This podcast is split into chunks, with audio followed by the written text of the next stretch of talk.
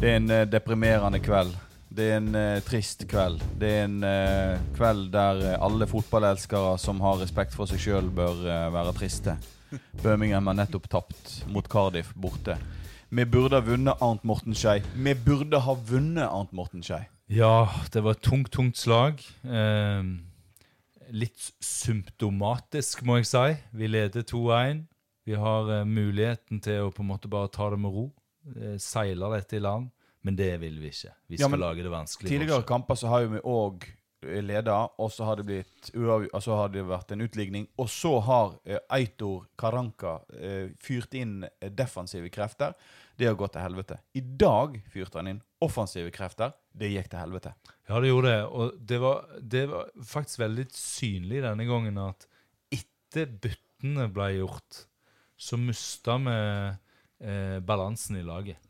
Eh, vi mista ballen, mista presset. Så eh, han, har, han må klø seg en del i hodet nå. For han klarer ikke trygge en seier.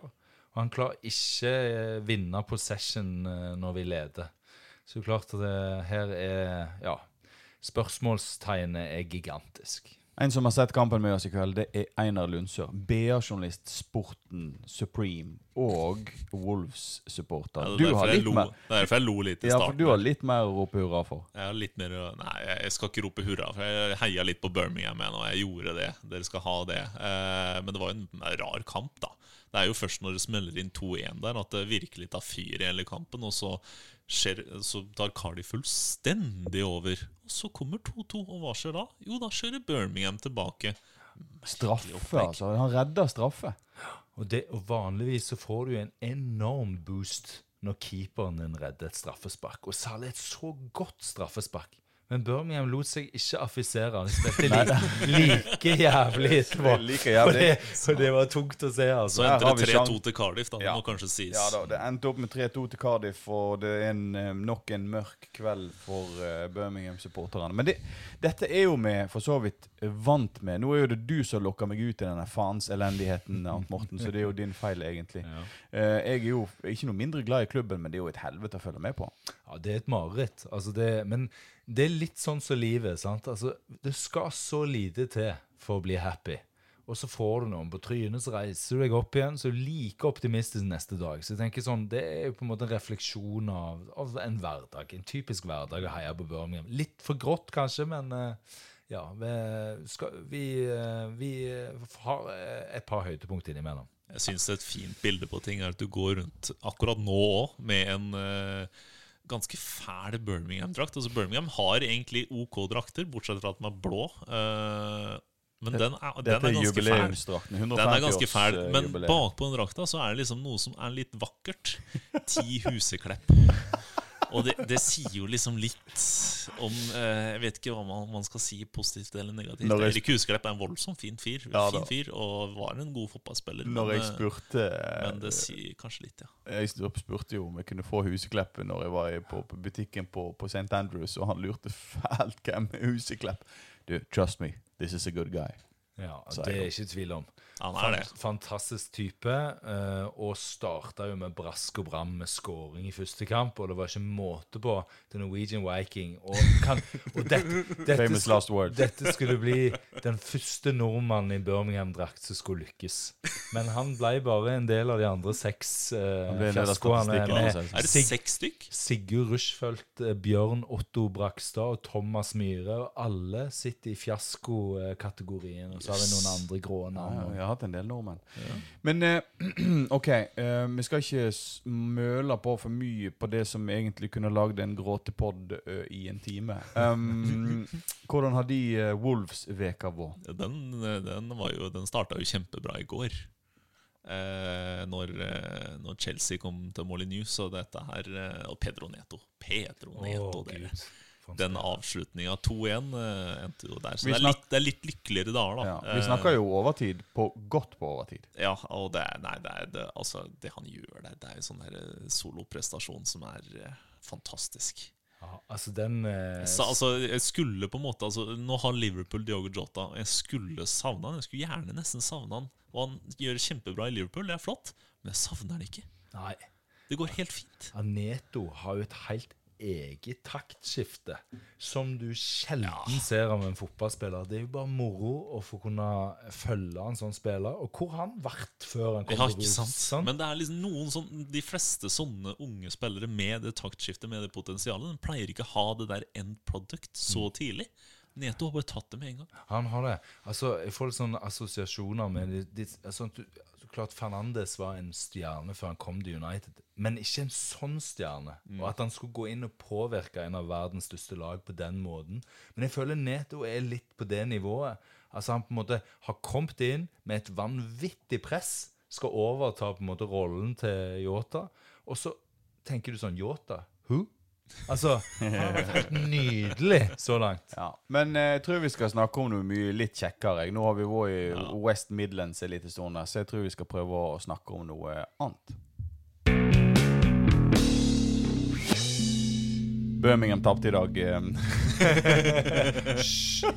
Forget about it. Next match. Nei, en, eh, en kamp som uh, overraska veldig mange i går, var jo da når West Brom faktisk klarer det bra den Du sa vi skulle ut av West Midlands. Jo, jeg, jeg, måtte, jeg, jeg glemte at vi må ta Slaven med oss. For Slaven altså fikk et endelikt i dag. Du Som, skal egentlig til Kroatia, du nå. jeg skal egentlig til Kroatia. jeg Nei. Nei, altså, vi er i West Midlands igjen. Slaven er- ja, unnskyld. Jeg skal, jeg skal, vi skal snakke litt mer West Midlands. Og det er jo det at når da Slaven Bilic, som klarte å rykke opp med West Brom, klarer den bragd å ta 1-1 mot uh, Manchester City Det var en done deal. Mm. Og så klarer de det. Det er helt sinnssykt. Og allikevel så får Slaven sparken i dag. Fansen er pisseforbanna ennå. Altså det, det som er, eh, altså Den beslutninga var egentlig tatt før City-kampen. Han var ferdig. Eh, og så er det litt sånn korona Altså Det har vært litt sånn der spill i galleriet her. For det er litt koronaregler, litt karanteneregler, som gjør at de bare holdt Slaven Bilic varm eh, før det kommer en ny mann inn nå eh, som trenger de karantenereglene. For, Ja, for han, hadde sikkert, de- han hadde strøket med med bestemt Ja. korona. Eh, han, eh, han er 66 år gammel, er han ikke det? Jo. Jo. Big Sam. Big Sam Allardyce. Og det som, altså, det er, det er fryktelig mye å ta med West Brom nå, eh, og med Slaven Bilic, og hvorfor dette er røket. Men det, det vi kan ta, si først, da Sam Allardyce han er jo, en, eh, han er jo egentlig en Wolves-mann. Oi. Oi, såpass. Han er, han er født og oppvokst rett utafor Wolverhampton. Shit. Eh, klar over. Eh, han, han har ikke vært i Wolves, men det er liksom, det er liksom barn, store barndomsklubben hans. Så det, det er liksom en dobbeltstikk til fansen. Oh. Og det er ikke et pent dobbeltstikk. Men eh, hvis du skal ha noen som skal holde en klubb oppe, så er vel kanskje Big Sam eh, the ticket. Ja, men herre, jeg er, så, jeg, nei, men ikke, altså, jeg er jo jeg er en ung fyr. Jeg er lei alle disse gamle britiske folka som går rundt og gamper på sidelinjen og ber folk om å kjempe hardt og vinne andre baller. Han var jo en gammel mann og bestefar-nivå, var ikke han? Ja, altså Man må gi seg med det tullet her. Og drive og jeg savner sparke Pardew, jeg, altså. Men eh, Arnt Morten, eh, hva tenker du om eh, appointment eh, Sam Allardyce? Nei, altså eh, Big Sam, det er jo lenge siden han har hatt en jobb. Eh, han gikk jo gjennom noen fadeser, både som England sin landslagstrener, som Ja, han fikk låne en kort periode, og en del sånne litt skumle eh, under bordet-saker. da. Mm. Men det er klart at eh, eh, Hvem hadde egentlig tro på Steve Bruce da, som en litt yngre versjon av Sam Allardyce? Når han overtok Newcastle, alle tenkte jo at det der var en, eh, et sikker nedrykkskandidat. Han har jo levert eh, enorme resultat. Tapte 5-2 i dag for Leeds, men sånn totalt sett så har det vært en fantastisk ansettelse. Jeg ser ikke bort ifra at Big Sam, med den kunnskapen som han har Du kommer inn i en klubb som egentlig har hatt gan- De har vel vunnet én kamp Ja. så langt i sesongen. Står med syv poeng på 13 kamper, mener Ja. jeg. Så. Så det er, det er ganske stygt. Så klart at det, han vil nok innføre eh, Hvis det er noen som kan motivere en sånn gruppe, og som har masse erfaring og ikke er redd for å ta på seg en sånn utfordring, så er det Big Sam. Han har ingenting å tape, han. Nei, men Altså- er, er West Brom god nok for Premier League? Nei. Kom det kontant fra Lundsør her? Og jeg er helt enig. altså For meg, på papiret, det jeg har sett altså som spiller bredde i stallen eh, Jeg syns jo West Bromwich helt klart har det dårligste laget på papiret. Det syns jeg. Eh, sånn sett så det, det er klart, Nå så jeg kampen i går mot Manchester City, og det er klart du skal aldri ta utgangspunkt i én kamp. Men jeg så ikke eh, et lag som spilte for en trener som hadde tapt garderoben i går. Jeg så eh, et lag som gjorde alt for sin manager. Og jeg tenker jo at West Bromwich var opp imot sitt beste potensial i går. Så det er jo klart at med en viss bismak, det skjønner jeg at, at fansen eh, stiller store spørsmålstegn til om du skal ta vekk en manager når du har et svakt lag på papiret, som egentlig blør for treneren sin i utgangspunktet. Ja, fordi Ifølge de rapportene som kommer fra England, så er jo eh, Slaven fikk beskjed om at han fikk fyken etter den kampen. Eh, og han ber sjøl om å få gå inn til spillergruppa og fortelle at han er ferdig. Og det som møter han der, er en eh, tilsynelatende sjokkert spillergruppe. De ville ikke at han skulle gå. Dette var deres takk til han, da. Men dette her er jo en Dette her er jo en kjempelang konflikt mellom eierne i, i West Brom og en ganske kompetent fyr som kom inn i en klubb som har røkka ned. De har levert dårlige resultater i mange år, vært en nedadgående kurve. De har absolutt alle symptomer på en klubb som er på uføre. Eh, og det som er typisk da når du går ned, er at du får en skikkelig smell i championship. Han kommer inn med brask og bram og på. er en likende fyr, har kompetanse, gjør noe ut av den gråsteinen som West Brom er. For det er, det er, det er gråstein. det er, ja. Både som klubb og som spillemateriell. Og får dem rett opp. Og det er en kjempeprestasjon. Ja, og så Og så, får han heller også. ikke særlig med penger å kjøpe Nei, spillere nei. for når han rykker opp. Han, fikk, får han han, han får 25 millioner pund. Mm. Og så må Ok, men laget mitt er ikke godt nok. Og så bare eskalerer konflikten med styret. Og så er arbeidsforholdet til slutt ferdig. ikke sant? Men uh, han som sto på andre banehalvdel, holdt på seg, eller han som sto egentlig rett ved sida av Slaven Bilic i går, som uh, ikke så veldig lenge siden han signerte ny kontrakt med uh, Manchester City. De. Tre siste sesongene så har han en snittskåring på tre mål per kamp. 100, over 100 mål de siste tre sesongene. I år er det en og ett og et halvt mål i snitt per kamp. Det, er jo, det begynner å lukte et, et generasjonsskifte som er litt overdue. Ja, men jeg, jeg er jo fan av stabilitet, da. Ja, men Jeg- du, må, du må jo ikke la spillerne bli 58 år før du pensjonerer. Nei, men spillerne, nei. Men treneren. Hvorfor må treneren gå hele tida? Hvorfor må alltid treneren gå? Nei, men jeg Kan ikke- tenker, jeg kan ikke tenker klubb på ta litt ansvar for Hvorfor har ikke Pep? Guardiola gjort den transaksjonen litt før? For nå får Ja, Pep et det er jo ikke bare han som må gjøre det, det er jo klubben òg. Ja, dette er altså så spennende. Men dette er grunnen for at jeg elsker fotball. Hvis alle bare som elsker fotball, setter seg ned og koser seg litt med Premier League-tabellen akkurat nå, ja. så har du altså Litt- Ja, det er har du fem poeng mellom første og tiendeplass. Og hvem ligger på tiendeplass? ja, det er mitt og. Og dette skal vi være så glad for, fordi at det som skjer med spillere som har maksa en hel sesong og Nå skal jeg ta utgangspunkt i Liverpool, så kommer jeg til Manchester City etterpå. Liverpool har hatt en ganske begrensa spillergruppe som har spilt over evne over en veldig veldig lang periode, og på et eller annet tidspunkt så vil skadene komme. I fjor så klarte de å komme gjennom en hel sesong med minimalt med skader. Men det som skjer når du har en sånn slitasje, er at du vil på et eller annet tidspunkt så vil det smelle. Og nå er vi i det scenarioet. Og da er det, det er alt som skal til for at du får en jevn Premier League. Altså det at spillerne blir litt mer slitne, så blir de kanskje litt metta av den utløsningen av å vinne Premier League. Og så skal du gjenta suksessen, og så bytter du kanskje ikke nok på materiellet, for du har jo hatt suksess i utgangspunktet, så hvorfor skal du gjøre det? Og så får du en litt dårligere versjon av spillergruppa. Og det er jo det Guardiola opplever. Guardiola har et ekstremt komplekst taktisk system som gjør at det er ganske krevende som enkeltindivid å komme inn i det systemet og komme inn i det raskt. Du må bruke lang tid. Så han har valgt å sikre, men det han har fått i år, det er en 20% dårligere spillergruppe, fordi at han ikke har klart å fornye den nok til å skape nok konkurranse på de ulike eh, plassene på banen. Så vi, det det som gjør at Liverpool og Manchester City nå er en del av den tiergruppen der Southampton tidligere i dag leder tabellen. Ja, som jo- jeg så tape 9-0 mot Leicester. Ja. Det er mitt eh, oppfølgerspørsmål til deg. Um, nå sitter jo vi i da snakkende stund og ser på Liverpool-Tottenham. Det er 1-1 mellom de to. Det er gått 60 minutter. Før den kampen begynte, så var det faktisk Southampton for andre gang på kort tid som leder tabellen i Premier League. Hadde du trodd det når serien starta? Nei, For meg er det en helt vanvittig overraskelse. Men Southampton og Leeds har to fellestrekk. Det er en fryd for øya å se på de to klubbene spille fotball. For de har liksom funnet sin stil, så de holder på. Manageren har virkelig klart å gi et fotavtrykk til spillergruppa. At de er så trygge på det de holder på med, at de har ikke respekt for noen. For de tenker at akkurat sånn som vi spiller, er vi best på i verden. Tror jeg de tenker inn i hodene sine. Så plutselig blir Che Adams som var en eh, championship-spiss som selvfølgelig var over snittet da han var i Birmingham, eh, skårte en del mål.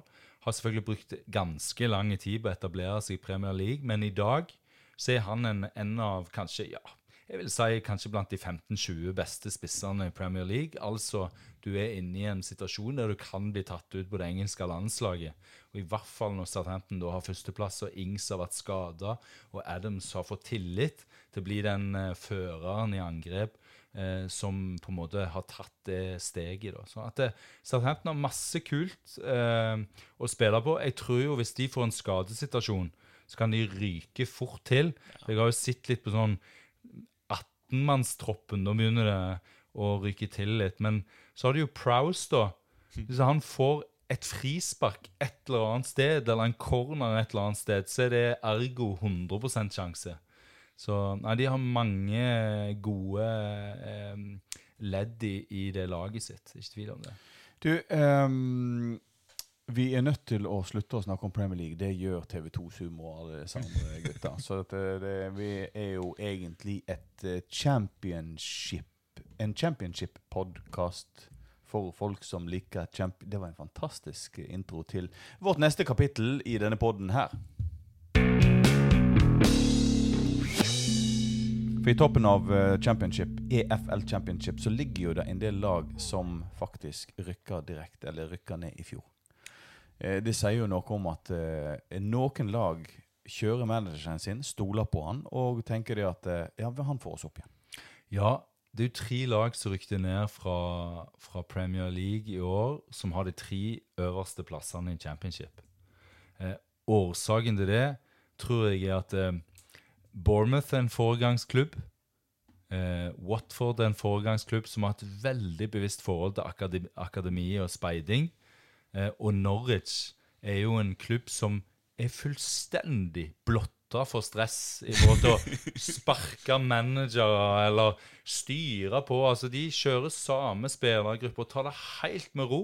Og ligger jeg, elegant på førsteplass i det Championship. Det syns jeg Alexander Tetti oppsummerer med væremåten sin. Eh, å være i Norwich. Altså han, eh, når han får spørsmål om nye kontrakter Han har jo vært på ettårskontrakter en stund, og han bare Nei, hvis jeg får, så er det noe flott. Og så får han, og så svarer han nei, jeg er kjempeoverraska. Jeg trodde ikke jeg, jeg trodde jeg var ferdig, men jeg er nå klar for ett år til. Altså det, det, er helt sånn Det er så nydelig. For, for, for Dette er et bra nivå. Ja, altså Norwich er virkelig en familieklubb, tror jeg. Altså, De har noen eh, veldig sånn gode verdier i den der eh, stallen som skaper en sånn enorm trygghet. Så OK, vi rykte ned med glans. Ja, ja, men vi holdt nå budsjettet i år og fikk litt ekstra millioner der med Sky. Og vi bare slapper av i, og så kjører vi samme gruppe neste år. Sånn er det med Bournemouth òg, som skilte lag med manageren sin uten at det var noe vondt blod. ikke sant? Altså bare Nei, går det fint. I Bournemouth, Nå var det på tid med noe nytt. Også. Ja, det var det.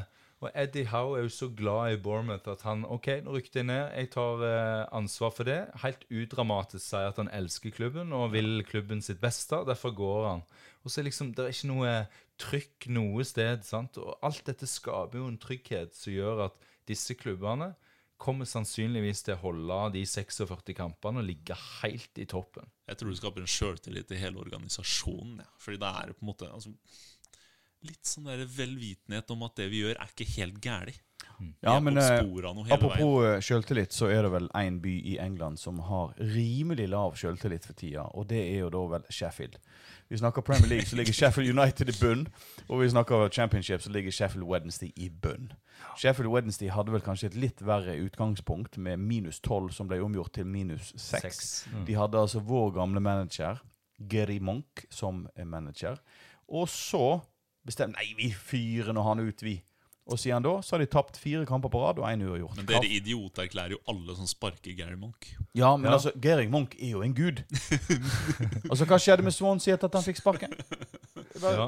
Underbygg dette her. Hva skjedde, hva skjedde med Birmingham etter Gary Monk fikk Vi brukte jo et år etterpå bare å komme oss. Vi brukte noen sånne halvsuppe-manager. Det var Gianfranco Zola var jo en stor suksess, da. ja, helsike. To seire på 27 kamper. Ok, eh, men nei, men altså La oss snakke om Sheffield Wednesday. Ja. Gary Monk. Dette er da oppskriften etter de tre jobbene han har hatt i, eh, i champion, eller Championship og i Premier League med Swansea. Hvis du Hvis, jo, hvis eh, klubben din er i uføre, så ansetter du Gary Monk, og hvis det går bedre, så sparker du han, for så igjen komme i uføre. Dette har vært oppskriften til, til de tre klubbene. da. Eh, Swansea rykte ned når de sparka Monk. Eh, Birmingham har jo brukt 40 år og x antall millioner for å være for, for ikke være i nærheten av det han greide å, å få til. Og Chef Wednesday ligger klart på bunn med fem kamper med ny manager uten seier og én uavgjort og fire tap. Um, og de ligger sist. Men er det Gary Monk som er rævhål? Åpenbart, da. Gary Monk er sannsynligvis har nok en personlighet som ikke treffer Iallfall ikke kapitalisten. Når Gary ble, Monk ble, Hva, Hva, er, du- er du kontaktlærer? Er det liksom måten man sier eh, til gutten som mobber i klassen, at han eh, Nei, men hør nå her, gutta. Når, når Gary Monk han fikk kritikk som manager for Swansea fordi at han var eh, kald, han var kynisk, og han var ikke særlig på en måte medgjørlig. Han var introvert. Gud bedre meg hvor mye kritikk han fikk. Mm. Når han ble manager i Birmingham, så kjøpte han seg først han gjorde var å kjøpe seg leilighet i Birmingham. Mm. Han gikk ut og gjorde et vanvittig veldedig arbeid, og han var veldig, veldig mottagelig for absolutt alle spørsmål i media. Mm. Dette var ikke et rævhold som vi møtte. Mm. Men det var noen rævhold som sparka han. Mm. Det kan jo hende at det har gjort han litt sånn kynisk og sur igjen, da. For det må jo være en grunn til at når denne mannen klarer faktisk, kan faktisk klare, med det minuset som Sheffield Wednesday begynte denne sesongen her med, Mm. klarer faktisk å ligge nå med ni poeng. Og hvis du da hadde lagt til de seks poengene, Mm. så hadde han lagt det ganske mye bedre an. Mm. Hvorfor får han sparken? På, han hadde vært på nedrykk uansett. Nei, men husk at dette er fem kamper seinere, der du har fire Ja, tap og én uavgjort. Ja. Så før det så så det jo relativt greit ut. Ja. Um, så Nei, men det er jo dette historieløse som veldig mange eiere holder på med, som, uh, som du er inne på, at eh, eh, sparking av manager i hytt og dynevær, det skaper sjelden eh, noe mer enn kanskje tre-fire kamper med boost, og det har du ikke gjort her. Eh, og så er du på en måte tilbake på, på, på start igjen. Ja.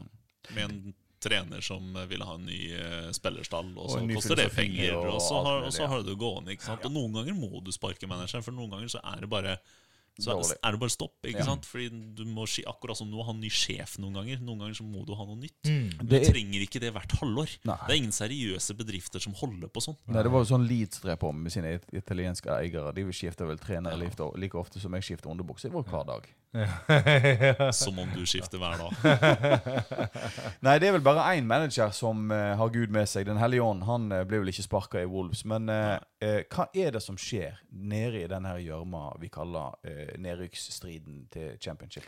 Med Nei. altså Nottingham Forest, Derby Altså, hallo i luken. Ja, og, og det er så vanskelig å finne logikken i det. Det eneste jeg klarer å, å resonnere meg fram til, er at hvis du er relativt tidlig i sesongen i en klubb, så har du sannsynligvis og forhåpentligvis lagd en ganske tydelig strategi på hvordan du skal angripe en sesong. Eh, og, og trene, Du har sikkert trent på det ganske mange måneder før sesongen begynner, og du på en måte er ganske bevisst på hvilken rolle du skal ha. Og så finner eierne ut at dette går ikke så bra. Så hiver de deg ut som manager da etter en 10-12 kamper, og så skal noen overta dette her. Sånn som Chris Huton som har overtatt Nottingham Forest. Altså, All statistikk tilsier at det er en god ansettelse. Men de, før de møtte Sheffield Wednesday i går, så spilte de altså, det var den syvende kampen uten å vinne. Så fikk de sin første seier. Og Det forteller litt kompleksiteten med det å hive ut en manager tidlig i sesongen. At da har du ikke en spillergruppe som på en måte har mistillit til deg, eller det er slitasje, eller? Så, så du i utgangspunktet så gjør eieren noe hodeløst, der du ikke automatisk får spillergrupper med deg. Og så må du liksom bygge opp den tilliten igjen. Eh, så det, det ser jeg for meg har skjedd i Og når Chef Wednesday også har ansatt Tony Pulis, som òg har en fremragende statistikk på det nivået Og han har ikke ennå vunnet med Chef Wednesday. Jeg Så- koser meg jo litt når de dinosaurene klar, faktisk ikke får det til. Da, da, da blir jeg litt sånn ja, er til pass for dere. Ja. Til pass for Nei, men dette er vel kanskje en av grunnene til at uh, fotball er så vanvittig fengslende. Og apropos fengsel, så er det vel en del spillere også som har tilbrakt litt tid bak murene. Arnt Morten, Den lista eh, hørte jeg om! ja Den vil jeg høre. Det er en del rampete spillere. Det er klart at de tjener mye penger, har mye fritid eh, og får masse tilbud. Og det er ikke alle som takler dette like godt. Jeg kan bare huske Troy Deeney. Ja, Troy Dean er et godt eksempel. Og det klart det siste nye var jo eh, Jack Grealish i koronatiden, som gikk amok med bilen sin. Eh, der var det både alkohol, og der var det høy fart. Han Og, krasja eh, inn i to biler. Det er ganske bra gjort. ja, jeg tror ikke det ble noen skade på noen folk der. Jeg tror det, Nei, de det ble bilene sto stille, Ja, ja. så det forteller jo litt om alkoholkonsumet. eh, så han eh, har jo dette her ryktet på seg til å være midt i den her karantenegreia. Altså. Så det, Han har jo rykte på seg til å være bad boy, og han eh, har jo på en måte valgt å fortsette å være det. Er det noen andre spennende fengselsfugler? Ja, litt overraskende for meg. En, egentlig en spiller som er, har vært en ambassadør for meg i alle år. Som jeg tenker er jo Mr. Nice Guy, vært på TV og har hatt masse gode programmer. Ian Wright. Ehm, som hadde en fantastisk karriere i Crystal Palace. Han og Mark Bright gjorde en utrolig god figur i Premier League, der de skårte nesten sånn type 60% av målene til Crystal Palace det året. Så gikk han jo til Arsenal og hadde en fantastisk karriere der. Egentlig vært en ambassadør hele tiden, men han har altså da tilbrakt eh, litt Ja, det var vel et par uker da, eh, i fengsel fordi at han glemte å betale eh, parkeringsbøtene sine. Så det er forteller jo litt om eh, Enten så er han veldig vimsete, eller så hadde han ganske dårlig økonomi i begynnelsen av karrieren. Det kan jo være en Jeg kombinasjon, tipper kanskje. han var vimsete, da. Ja, jeg gjør òg det. Og så en som kanskje ikke er så overraskende, og det er jo Duncan Ferguson, som da er i trenerteamet til Everton i dag. Eh, Det er jo en hissig propp av dimensjoner vi snakker om her. En, en veldig lidenskapelig person. Eh, Det er jo ikke vanskelig å forstå at han selvfølgelig da klappte til en Ikke med eh, innsida av hånda, men med knyttneven da i en bar. Og selvfølgelig måtte tilbringe noen måneder i fengsel. Eh, Dette skjedde jo i 1995. Da fikk han 44 dager, da, eller eh, tre måneders eh, dom i Glasgow, da, når, han, eh, når dette skjedde. Er det ikke lov å klaske ned folk i Glasgow? Nå har jeg hørt det òg. Nei, det var brutale saker, dette. her, og nei, det- nestemann, De to neste kabelister er jo ikke så overraskende heller. Vi har jo Joey Barton her, som selvfølgelig har klikka opptil flere ganger eh, på banen. Eh, og i mai eh, 20, 2008 så eh, brukte han 74 dager i fengsel, for da var han eh, Det var i forbindelse med en situasjon på kjøpesenteret i Liverpool der han gikk amok, da. Og så har du en annen kar som òg var en lysende stjerne i Arsenal, så jeg har vel sett et visst mønster her, Tony Adams. Nå, eh, jeg skylder på deg. Eh, Jermaine Pennant. Oh, han var, han var stort talent. Han har jo veldig fint etternavn i forhold til det å ta en straff, da. ja. Han, ja, Pennant er jo et veldig Så du visste jo hvordan dette skulle gå. Eh, I 2005 så gjorde han det som Grealish gjorde. Drakk seg drita full og fyrte bilen i noen biler som sto parkert et eller annet sted, og kom slarvende ut utenfor en bar. Eh, Med 1000 vitner, og røyk til eh, i fengsel eh, en god del måneder der. Der han hørte hjemme. Og Tony Adams kjenner vel alle historien til. Det var jo veldig trist med Tony Adams, for han var jo en av de spillerne som klarte å, å kombinere alkoholisme og profesjonell eh, fotballspiller. Så han Mange gjorde som gjorde det den gangen. Ja, det var det. det, var det. Jeg tror alle gjorde det. Så Ja. I 1990 da, så ble han funnet 27 ganger eh, eh, på en måte der han hadde drukket for mye da, når han kjørte. Eh, så det var sikkert politiet sto sikkert på eh, gatehjørnet og visste at han kom. Eh, så han røyk jo til og, og hadde ganske mange måneder i fengsel. Og det var en forferdelig opplevelse, så han beskriver jo det i boken sin. Så det må alle lese. Veldig bra bok. Og så kom det overraskende en dansk pølsespisende proff som lå og bevegde seg litt på midtbanen innimellom i Liverpool. enn Jan Mølby har òg tilbrakt tiden sin i fengsel. Um, Men han er en av de største fra hele Skandinavia. På alle mulige måter, ja. Ja. ja han er det. Uh, han var jo ikke bygd som en fotballspiller, men gud hvor flink han var med ballen, altså. Han, Hvor, hvor, eh, langt ned i dark web har du gravd deg her? så, og The det- Sun. Ja, ja, ja, ja ikke sant? Nei da. Så han, eh, han eh, også hadde noen Han hadde bare to dager da han slapp tidlig ut. Han hadde egentlig tre måneder, men de syns kanskje litt synd på en grinende danske, så de slapp han inn ut litt tidligere. Dansker er så koselige, vet du. Går, Ja. ut på, Det er jo nettopp det. går ut på god oppførsel. Da. Ja, Fikk litt sånn sesongbillett av disse politifolkene. ja, ja. Og så er det jo Erik Cantona. Og han eh, fikk jo hele verden som vitne når han uh, sparka ned denne Crystal Palace-fanen. Jeg syns det bare var fortjent. Eh, han røyk, men eh, han skulle òg egentlig være mange, eller en del dager i fengsel. Eh, han gikk eh, ut etter tre timer, da. Eh, så det er jo Men, det, men det, da, da, når du, du snakker om Cantona, så ser du da det, hvilken manager eh, sir Alex Ferguson faktisk var. ja, Sånn som han tok vare på, på Cantona. For det var ingen som trodde at han noensinne kom til å komme tilbake til en Nei. fotballbane. Altså. Nei, og han ble så advart når eh, Cantona kom fra Leeds til United, at her har du kjøpt deg ei real urokråke, ikke sant? Og så klarte han jo å dokumentere det med dette karatesparket mot Crystal Palace. Men Ferguson skjønte utmerket godt at dette er en situasjon der du på en måte tar vare på spilleren, og det var en veldig god investering. Wayne Rooney var jo også en gutt som hadde på en måte noen sånne trekk. Men det gikk jo bra. Ja, men Han Grealish, kom, han Grealish kan ha kommet under sånn, rett sånn manager, ikke sant? Ja. Du må ha den rette manageren som holder deg faktisk i nakkeskinnet. Altså. Ja.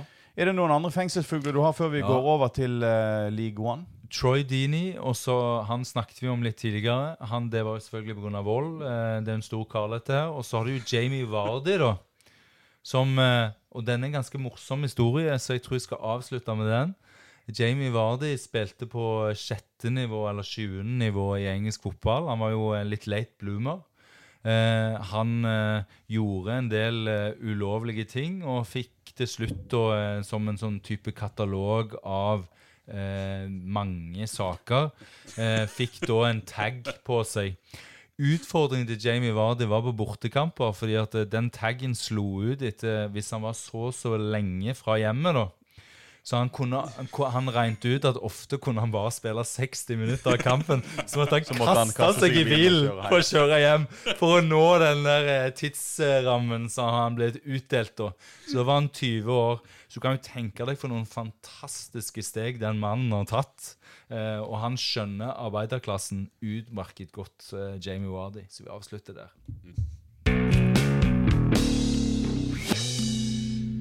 Det er vel egentlig ikke så forbanna mye å si om Wankers. Nei, eh, League One. Det er jo Det er jo et interessant lag på topp. eh, Hull er jo alltid interessant. Hull er, er, det, er det Englands styggeste by? Jeg har ikke vært der, men alle sier at det er Englands styggeste by. Og Ja. det sier litt, for England det er, eh, Det det er er et land med mange stygge byer. Ja, Men nå, nå, eh, nå hører det med til historien at en del engelske byer har fått en seriøs oppgradering, annet Birmingham. De Siste Ja, det sier de om. Førde òg, men Førde er fortsatt et høl. Hører de kan da, de kan da liksom høre på podden vår for, for, det. Nei, men Høll er jo de, de sliter vel fortsatt med disse, disse eierne sine. Så de, de hadde vel tiårsjubileum, eh, tror jeg. Eh, eh, tror jeg de heter. Noe sånn eh, Allams? Allams? Det er noe sånt noe. Eh, en stykk eh, gammel, gammel grinebitter som har latt sønnen sin styre sjappa der nå altfor lenge. Mm. som eh, har hatt, uh, hatt en tidlig opptur. De røkka opp og hadde det fint og var i FA-cupfinale og var ekstraomganger. De tapte vel der mot Arsenal eller noe. Alt var flott. Og så har det gått straka veien nedover. Og det er Hull Tigers, og det er fanopprør, og det er Men nå er jo det førsteplass, da. nitrist. Ligger to- Det ligger jo an til, hvis det er den her 17 kamper, to kamper nå på rad med seier. Ja. og Ja, men Når du sitter med eiere som offentlig har sagt Altså De har sagt De, de bryr seg egentlig ikke om fotball. De bryr seg døyten om fotball. Eh, aldri brydd seg om fotball. Hvorfor eier Og, og, da, eh, og det starta så fint. Det var liksom publikumsfrieri. De sa at uh, football should be like air, eh, free to enjoy. Uh, de, de, og så gikk det et par år, og så er det liksom uh, Når han gjør om fra Hull City, for han syns Hull City var så kjedelig å hete, at Hull Tigers var bedre. Og så synger fansen på stadion Hull City Till I Die, og så svarer han i media Well, they might as well die. altså, det, det er helt Football should be like air, like in our heads. Men hvem, altså, har dere kontroll på hvem i pokker er manager for denne klubben? Han må jo ha gjort en fantastisk jobb. Ja. Sant? Dette Han må er vi i hvert fall ikke luft i hodet. Jeg pleier å få kontroll Ja, på det meste, da, men da, og, da, her vet du hva, da gjør vi det sånn at eh, Arnt Morten han kan lete fram manageren. Så skal jeg Mm. eh, stille deg følgende spørsmål, eh, Arnt Morten. Det ble ikke The Old Farm forrige, eh, denne sesongen her fordi at Ipswich klarte ikke å rykke opp. Mm. Uh, Norwich klarte jo selvfølgelig å rykke ned, men um, nå ligger jo de da og vaker på femteplass her og er litt sånn halvintetsigende. Blir det Old Farm? Det gjør jo ikke det heller, for Norwich kommer jo mest sannsynlig til å rykke opp igjen til Premier League. Ja, Det vært koselig, det. Men eh, nei, gode, gamle Ipswich Det er jo mange fine lag nede i League da. Hmm.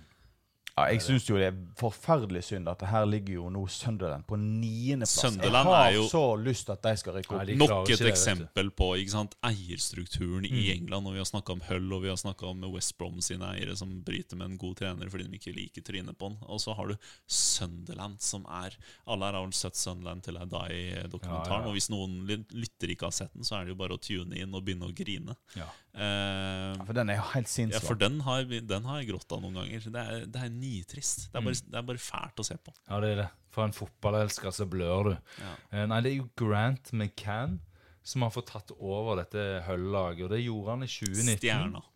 Eh, ja, det kan du si. Og, og før før det så har han vært manager i Doncaster og Peterborough, så det er klart han har gjort en strålende jobb. Åpenbart. Da lar vi det bli med League One for denne gang. Bradford er jo uh, uten manager, uh, Arnt Morten. Eh, det ligger jo an til at uh, det er en liten liste med aktuelle managere der. Men en av de som virkelig er heitest, som bookmakerne faktisk har lavest odds på, som fansen vil ha, som har sagt egentlig at han ikke er i oppløpssida for jobben, er jo da Sol Campbell. Sol Campbell, for en, for en spiller han var. Eh, for en skadeutsatt spiller han var. Han kunne gjort så mye mer. Eh, han var ganske uheldig i fjor. Han eh, fikk den forferdelige jobben med å hold, prøve å holde South End i League One. Eh, som var en helt umulig oppgave, og de rykte jo ned med brask og bram, selv om Sol Campbell var manager. Eh, I dag så ligger South End på sisteplass i League 2. Så du kan tenke deg for en oppgave det der var. Så Bradford har ikke latt seg affisere. De ønsker veldig gjerne å ha Sol Campbell som sin eh, manager eh, for eh, en klubb. Og Bradford er jo en liten by utenfor Leeds med 350 000 innbyggere. Og så har du et lag på femt sisteplass i League 2. Det er jo en katastrofe. Og de to spissene de har på topp, det er jo to gamle Birmingham-spisser, så det forteller jo kanskje det meste, med Clayton Donaldson eh, eh, og Lee Novak på topp. Eh, to gamle hunder som eh, har vært eh, over middagshøyden for lenge siden, og laget bærer preg av det. Eh, så Bradford er i fritt fall. Så de som har litt peiling på fotball, bør eh, ta en telefon til eieren der. Jeg tror de er ganske desperate. Ja, for du har jo kikka litt på South End. Det er et lag som du, eh, du, du har, har du vært og spilt litt fotballmanager nå? Ja, ja, altså South End er på en måte en av de største katastrofene sammen med Bolton og Wiggen, og da blir jeg jo alltid nysgjerrig. Så jeg har jo kikket litt på dette her, og jeg så jo at manageren har vært heldig. Han eh, har fått tilbake en av eh, spillerne som har vært skada veldig lenge, som nok er den beste spilleren de har. En viss Heart. Eh, og det er Hart. Sam som, Hart. Ja, og han skårte òg eh, når han kom tilbake etter å ha vært vekke ganske mange måneder. Og så gjorde de et sjakktrekk. Du vet når eh, Når moralen er tynnslitt, så trenger du en eller annen sterk personlighet som kan gå inn og bare få folk til å tenke helt nytt, helt annerledes. Eh, og der plukket de opp en 36 år gammel hund som, har, eh, som fikk sin 13. klubb i Southend etter han ble løslatt av eh, Aberdeen. Alltid et godt Og, tegn. og, ja, og Halford kom inn. Han starta riktignok på benken og skårte det viktige 3-1-målet. Eh, som den eh, legenden han er. Han er en av de sjeldne spillerne som er like dårlig eller like god, alt ettersom, på i alle posisjoner. Så du vil Hvis du trenger en back, så kan han gå inn der. Hvis du trenger en spiss, så kan han gå inn der. Hvis du har lyst til å spille han på midtbanen, så er han finslig i det. Så her er liksom Hvem er skada denne uka? OK, Grant Halford rett på høyre bekken. Sånn funker han. Oi, nå. unnskyld, jeg trodde du snakket om Per Ove Ludvigsen. ennå. Han, ja. han kunne jo gå inn på absolutt alle plasser. Så Southend fikk sin første seier på veldig lang tid. Ligger fortsatt på sisteplass, men nå har de litt kontakt med resten av, av de dårlige lagene i league 2. Da. Så det blir jo spennende å følge de utover. Hvor er Southend? Det er South in the end. Nei, altså, jeg, eh, jeg har ikke peiling hvor Southend ligger Dårlig gjort av meg å sette deg sjakkmatt Ja, ja, du satt meg litt i Ja, men det, det fortjener du. Det er, eh, det er helt, eh, helt innafor. Vi har jo Jeg har jo faktisk lyst å å um, gi litt kred til en av Norges kanskje mest legendariske utenlandsproffer, som uh, i dag eh, er da en del av den såkalte psykiatrialliansen i Bergen. Han er en legende på Southampton. Han, er, eh, han var en fantastisk fotballspiller. Han er en person som har hatt store problem i livet sitt, og har vært veldig åpen om det. Denne veka så eh, har jo da BBC eh, hatt et større eh, intervju med Klaus Lundekvam, der han eh, forteller om eh, mental helse og eh, Ganske åpen. selvfølgelig Han hadde vært det før han har gitt ut et bok om dette, her, men eh, han har jo gått, gått ut her nå og fortalt historien og eh, pinner dette her til arbeidet rundt mental helse. Klaus Lundekvam eh, gjør sitt beste her, og det skal han faen meg ha heder for, gutta. Ja, vet du hva. At, at eh, eks-spillere kommer ut og forteller åpent om sånne problemer, og det, hvordan det faktisk har vært, og hva det kan føre til, er jo det er jo uvurderlig, fordi det kan bety at noen faktisk som sitter i det, kan få hjelp, eller at noen kan få hjelp før det trengs. Før det går til helvete.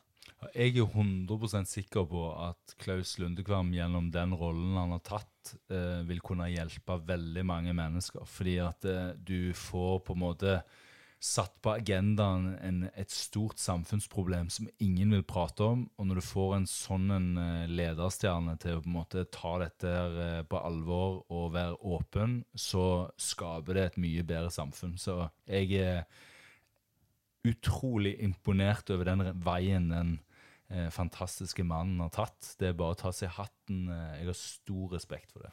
Ja da, og det er jo Jeg har jo nå drevet og laget denne serien min Eller denne serien min. Jeg snakker jo som om at alle veit hva jeg eh, gjør på her. Men jeg har laga én serie om rus og psykiatri. Du er jo kjendis. Jeg er jo kjendis. C-kjendis, minst. Eh, Lage en serie om rus og psykiatri i Bergen og en del problemstillinger rundt der. Og Da har jo jeg òg truffet Klaus Lundekam i forhold til eh, Psykiatrialliansen, som da er en eh, sånn lavterskeltilbud for eh, mennesker som sliter, og alle, egentlig alle som vil. Og disse her driver jo og spiller fotball og all, driver med alle mulige forskjellige sporter i hele Bergen og har, gjør et vanvittig arbeid. Jeg har jo møtt Klaus der en del, med en del av de brukerne som er og medlemmene av denne klubben her. Og de er jo de, altså Han her er jo en konge for dem, og det Mm. forstår jeg godt. altså. Ja, det, det er helt klart. Forbilder trenger vi alle, uansett hva vi holder på med. Så eh, løfter det veldig, og jeg er sikker på at, eh, at det er akkurat det han gjør. Jeg har én ting jeg, før, jeg, eh, før vi faktisk nå Ble det scoring her? Jaggu meg. 2-1 Liverpool-Tottenham, gutta. Her får vi det rett på direkten. Og når dere kan høre på den podden to dager etterpå, så vet jeg i alle fall hva resultatet ble. Nei, men vi har ett lite tema til før vi avslutter eh, dagens pod. Så Jæren og Fredrikstad eh, vil jo få eh, hvert sitt lag ett hakk opp i det norske fotballsystemet neste sesong. Inn i Obos-himmelen. Inn i Eller Obos-himmelen. Obos-Adecco, eller Obos-helvete, som det egentlig heter i Fredrikstad. Som det fortsatt heter, fordi Fredrikstad skal opp da, i motsetning til Bryne. Ja, er det sånn at det BA går så jækla godt at det kan hende at serien heter BA-serien neste år? Ja, kanskje det. Ja, Amedia og Schibsted gikk sammen. Amedia-serien. og- Ja. Men eh, gutta, hvordan går det med Jæren eh, Hvordan går det med Bryne når Dekan skal eh, Når Jan Halvor Halvorsen skal ta med seg gutta sine og alle de milliardene som de kommer til å tjene på Braut Haaland? Hvordan kommer dette til å ende opp? Er, snakker vi Champions League om fem år? Altså, Bryne er en klubb på alle mulige måter, både økonomisk, eh, administrativt, eh, måten de jobber med egen junioravdeling, der de er på en måte eh, i norgestoppen på alle nivå. Eh, du har noen eh, sjeler som har vært i klubben i en mannsalder, som på en måte bringer kulturen videre til de yngre. Eh, Bryne gjør utrolig mye riktig eh, for øyeblikket, og jeg elsker at vi får lov å innta posisjonen som underdog.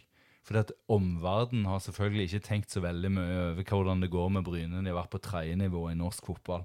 Så at folk sover i timen, helt utmerket. Jeg tror eh, Norge kommer til å få seg en overraskelse når de gutta der stiller opp eh, i Obos-ligaen. Eh, det er, er god bredde i stallen, veldig godt miljø. Eh, mange gode spillere. Og så har vi òg penger på bok, som gjør at vi kommer til å kjøpe iallfall tre spillere som kommer til å forsterke laget i alle ledd. Og så har vi eh, en spiss som før han kom til Bryne, så hadde han 38 mål på 35 kamper for Mandalskameratene. Og så ble han toppskårer i, eh, i eh, tredjenivået når, eh, på- når vi rykker opp i år. Og jeg er ganske sikker på at han kommer til å bli toppskårer i Obos-ligaen. Og så får dere tenke litt på hva det egentlig betyr. Så det betyr altså da Champions League om fem år. Hva med Fredrikstad, Lundsør? Ja, nei, Der er det enda mer fryd og gammen. Det er en eh, større klubb med mye bedre stall og mer penger og mer kompetanse og flere folk og enda bredere junioravdeling, tipper jeg. Eh, jeg, jeg tror dette blir, blir veldig greit inn i Obos. Forrige, jeg bare minner om forrige gang Fredrikstad rykka opp i førstedivisjon. Så gikk man rett opp i Eliteserien på første forsøk. Ja, spennende. Ja, men det er jo da eh, det vi egentlig skal eh, avslutte eh, med. Det er jo slik at uh, Dekan skal sitte med hver deres drakt i Obos-ligaen. Jeg kan ta på meg FK Voss-drakta mi og se på dette her Wankership-laget mitt som aldri kommer til å rykke opp til noe som helst. Jeg takker dere for i kveld. Dette var en fantastisk pod, gutta. Ikke det bra? Yes. Hæ? det var helt nydelig å ha dere her. Ja.